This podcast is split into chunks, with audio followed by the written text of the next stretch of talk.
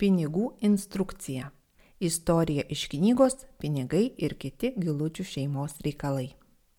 Šiandien Odrė nubudo anksčiau nei įprastai.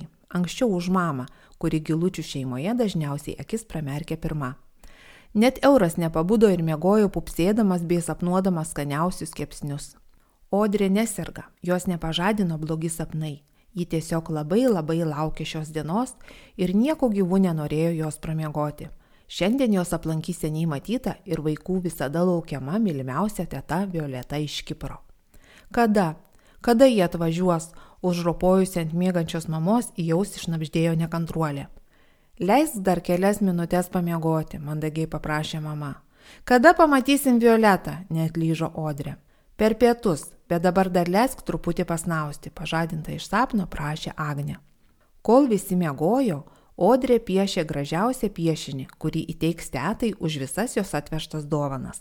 Teta visada mokėdavo nustebinti, tačiau laikas linko lietai ir nors visi jau buvo nubudę, Violeta vis nesirodė. Vaikai jau buvo be prarandantis viltį, bet durų skambutės aiškiai pranešė - kažkas atvyko.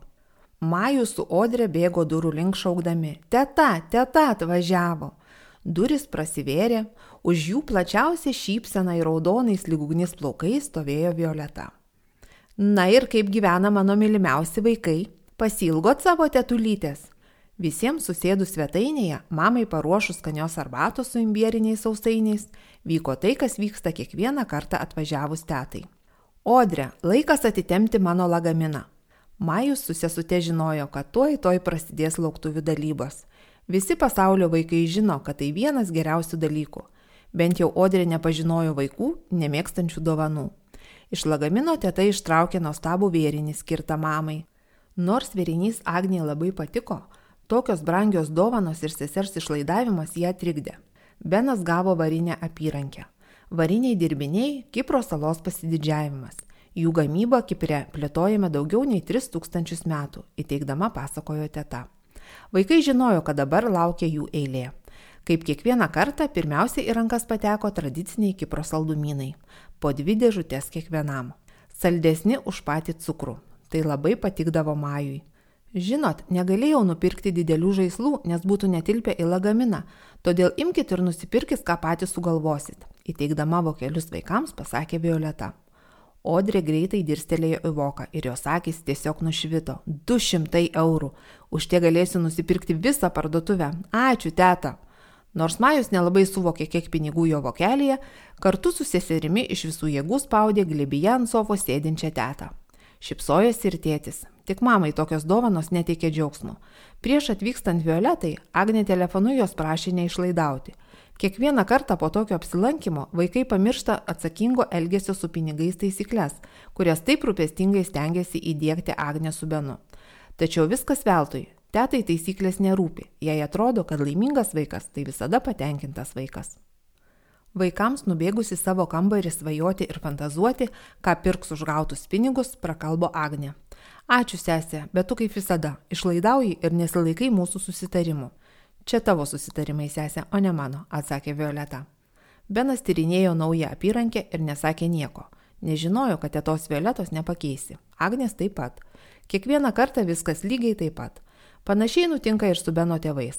Odrės ir Majaus senelis, kurie nepaisydami gilučių namų taisyklių, apipila vaikus saldainiais ir gausybė dovanų. Jei Majus mokėtų skaičiuoti, suprastų, kad dabar jo taupyklėje daugiau kaip 800 eurų, kuriuos susirinko iš tėtos ir senelių per kelis savo gimtadienius. Kartą įpykusi Agnė net pasakė, kad jei taisyklių nebus laikomasi, tėtos ir senelių neįleis į namus. Gal saldainių dabar į gilučių namus atnešama mažiau, bet iš esmės niekas daugiau nepasikeitė. Matydama susinervinusi seserį, teta Violeta ėmėsi veiksmų. Gerai jau gerai, sugalvojau, kaip galiu pataisyti situaciją.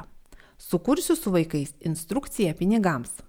Teta pakvietė mažuosius gilučių šeimos atstovus ir pradėjo kūrybinį procesą. Žaidimas labai patiko Odriai ir jį greitai perprato jo taisyklės. O šios buvo paprastos - sukurti planą, kaip bus panaudoti iš tėtos gauti 200 eurų.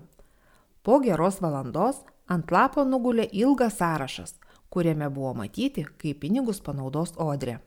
Majus plano nesudarė, bet sakė, kad darys taip pat kaip sesė Ir dar nusipirks du traktorius.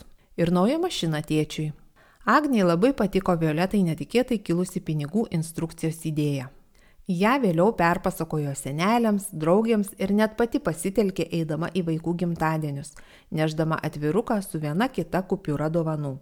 Kartu visada pridėdavo išsame instrukciją, kaip prasmingai panaudoti gautus pinigus. Finansų ekspertės Juratės patarimus šią temą rasite įrašo aprašyme.